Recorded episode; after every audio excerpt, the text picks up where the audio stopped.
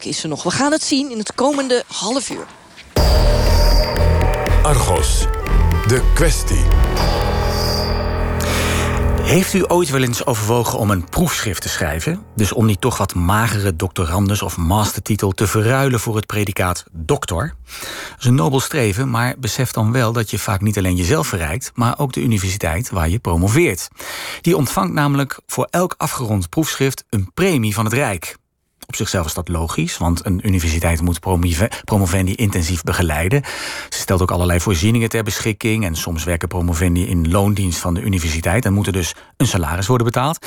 Maar zo gaat het niet altijd. Lang niet altijd zelfs. Aan de lijn is Anne de Vries, voorzitter van het Promovendi-netwerk Nederland. Goedemiddag. Goedemiddag. U bent zelf ook aan het promoveren, geloof ik, hè?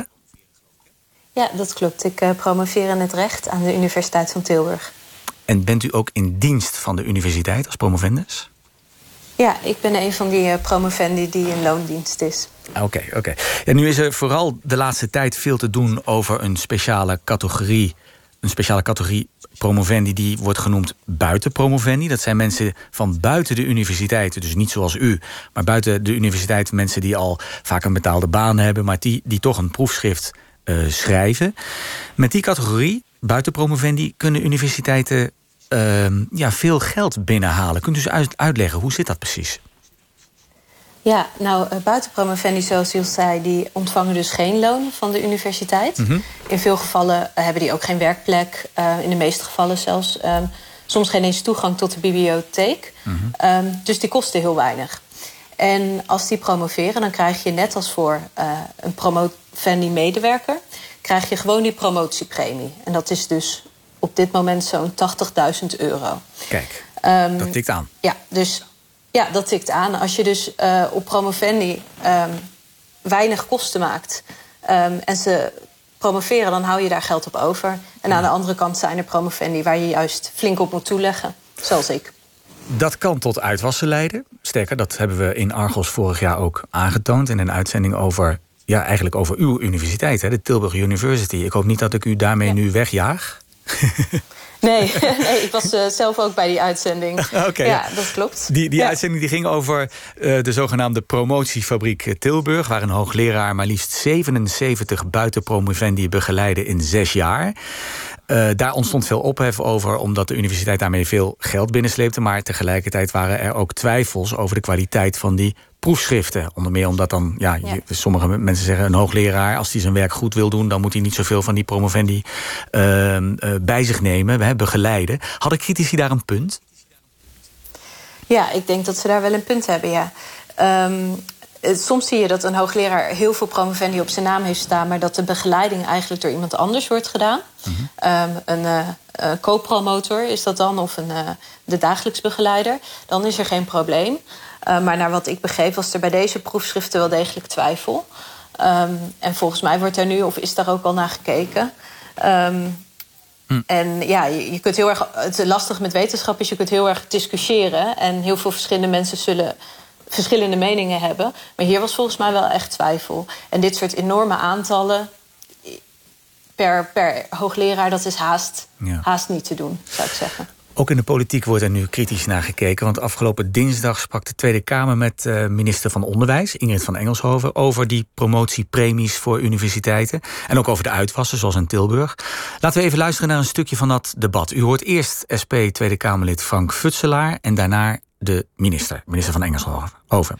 Uh, ik zou het eerst willen hebben over de Tilburgse promotieaffaire, uh, zal ik maar zeggen. Door Argos uh, achterhaald het model waarbij een aantal hoogleraren een wel heel erg groot aantal promovendi behandelden. Sommige andere wetenschappers zouden zeggen een onmogelijk aantal promovendi. En het er toch op lijkt dat er een soort van verdienmodel is gecreëerd. En dat riep eigenlijk de vraag op: is dit een uitzonderlijke situatie of is dit een model dat vaker voorkomt? En het roept vragen op. En de eerste vraag is toch of de promotievergoeding voor universiteiten zoals we die nu hebben georganiseerd, dat die toch een perverse prikkel kan uitgaan. Zowel om heel veel promovendi binnen te halen als om ze zo snel mogelijk te laten promoveren met een eventueel verlies van kwaliteit. Uh, en hoewel concurrentie om promotiegeld in principe concurrentie om schaarste is, de pot wordt niet groter, uh, blijven we natuurlijk verleidelijk om te vechten voor jouw zo groot mogelijke taartpunt. Laat ik heel eerlijk zijn. Uh, um, um, met u uh, had ik ook wel enige ver, ver, verbazing bij het feit dat wij eigenlijk niet goed weten hoeveel buitenpromovendi hebben we nou. Uh, dus ja, we moeten dat goed in kaart brengen. Dat gebeurt nu. Maar we moeten ook stappen zetten om te voorkomen dat Tilburg eigenlijk nog een keer kan gebeuren. Dat er toch meer zorgvuldigheid in, zit. Er zijn stappen gezet, maar we zijn er nog niet. En uh, ja, we moeten wel voorkomen dat dit nog een keer uh, uh, zo gebeurt. Want het was, niet, het was niet fraai. Ja, dat was een beetje onzekere minister van Engelshoven... in reactie op SP Tweede Kamerlid Frank Futselaar. ja, Anne de Vries van het Promovendi-netwerk Nederland. De minister zegt dat ze verbaasd is dat de universiteiten zelf geen cijfers hebben... van dat aantal buitenpromovendi dat bij hem promoveert. Verbaast u dat ook? Ja, dat verbaast mij ook. Um, Hoor, hoort u mij trouwens? Want ik heb even. Ik, ik hoor u uh, fantastisch. Oké, okay, goed.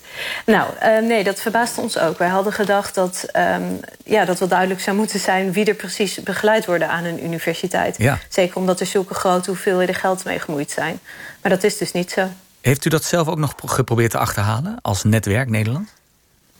Um, nou, wij, wij proberen wel vaak cijfers naar boven te krijgen. Ook bijvoorbeeld hoeveel kost het nou om een buitenpromovendus te begeleiden. Dus hoeveel geld hou je nou eigenlijk over? Ja. En wij lopen dan ook heel vaak tegen een muur van onduidelijkheid aan. Um, hmm. Soms denken we, ze weten het niet. Uh, het is ook lastig. Uh, promovendi verschillen nogal in hoeveel begeleiding ze nodig hebben. Maar soms denken we ook, nou ja, hierbij vragen we ons toch af of, of het misschien zo is dat mensen bewust cijfers uh, ja. niet verstrekken aan ons. Ja. Is het niet ook gewoon aan de andere kant fijn als er veel mensen promoveren? Dat komt uh, het land toch ten goede, zou je zeggen?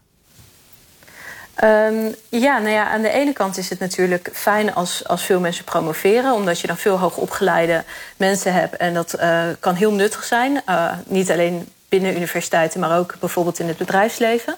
Um, maar aan de andere kant, op het moment dat mensen gaan promoveren proefschriften die misschien onder de maat zijn, omdat het meer om aantallen dan om inhoud gaat, ja, dan is niemand daarbij gebaat.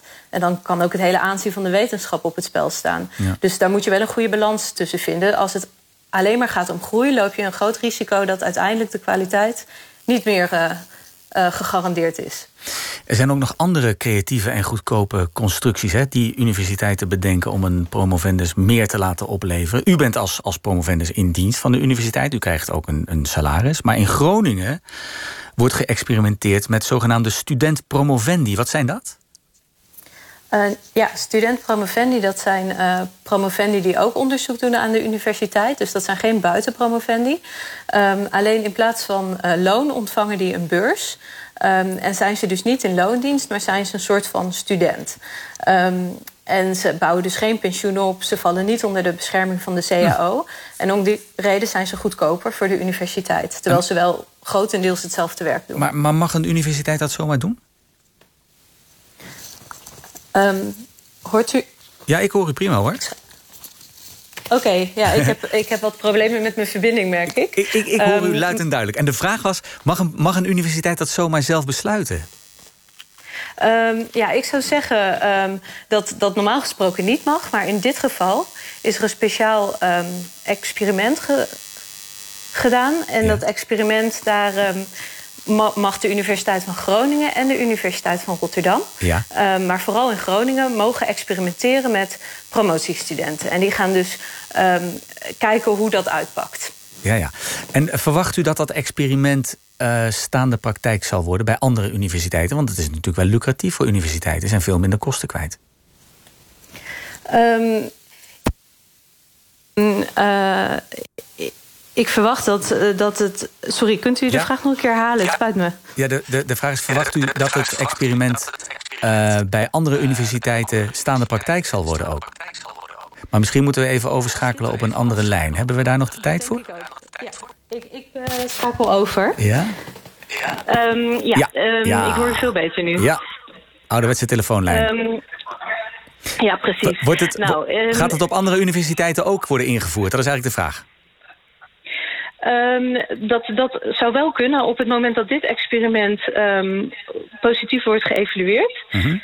Dan kan het inderdaad zo zijn dat, um, dat andere universiteiten dat in de toekomst ook mogen gaan doen. Dus ze zijn nu nog echt aan het experimenteren. Maar wij denken eigenlijk dat dit een beetje een Trojaans paard is. En dat op het moment dat dit um, ja, positief uitpakt, dat het zou kunnen dat in de toekomst uh, we overstappen op een systeem waarbij promovendi dus niet meer uh, werknemers zijn. Of in ieder geval ja. uh, ook als student kunnen worden aangesteld. Ja. Precies, ja. Nou, dat klinkt alsof het nog, nog flink veel werk aan de winkel is voor u. Heel veel dank, Anne de Vries, voorzitter van het Promovendi-netwerk Nederland. Tot zover Argos. Straks op deze zender Radar met Misha Blok. En dan gaat het over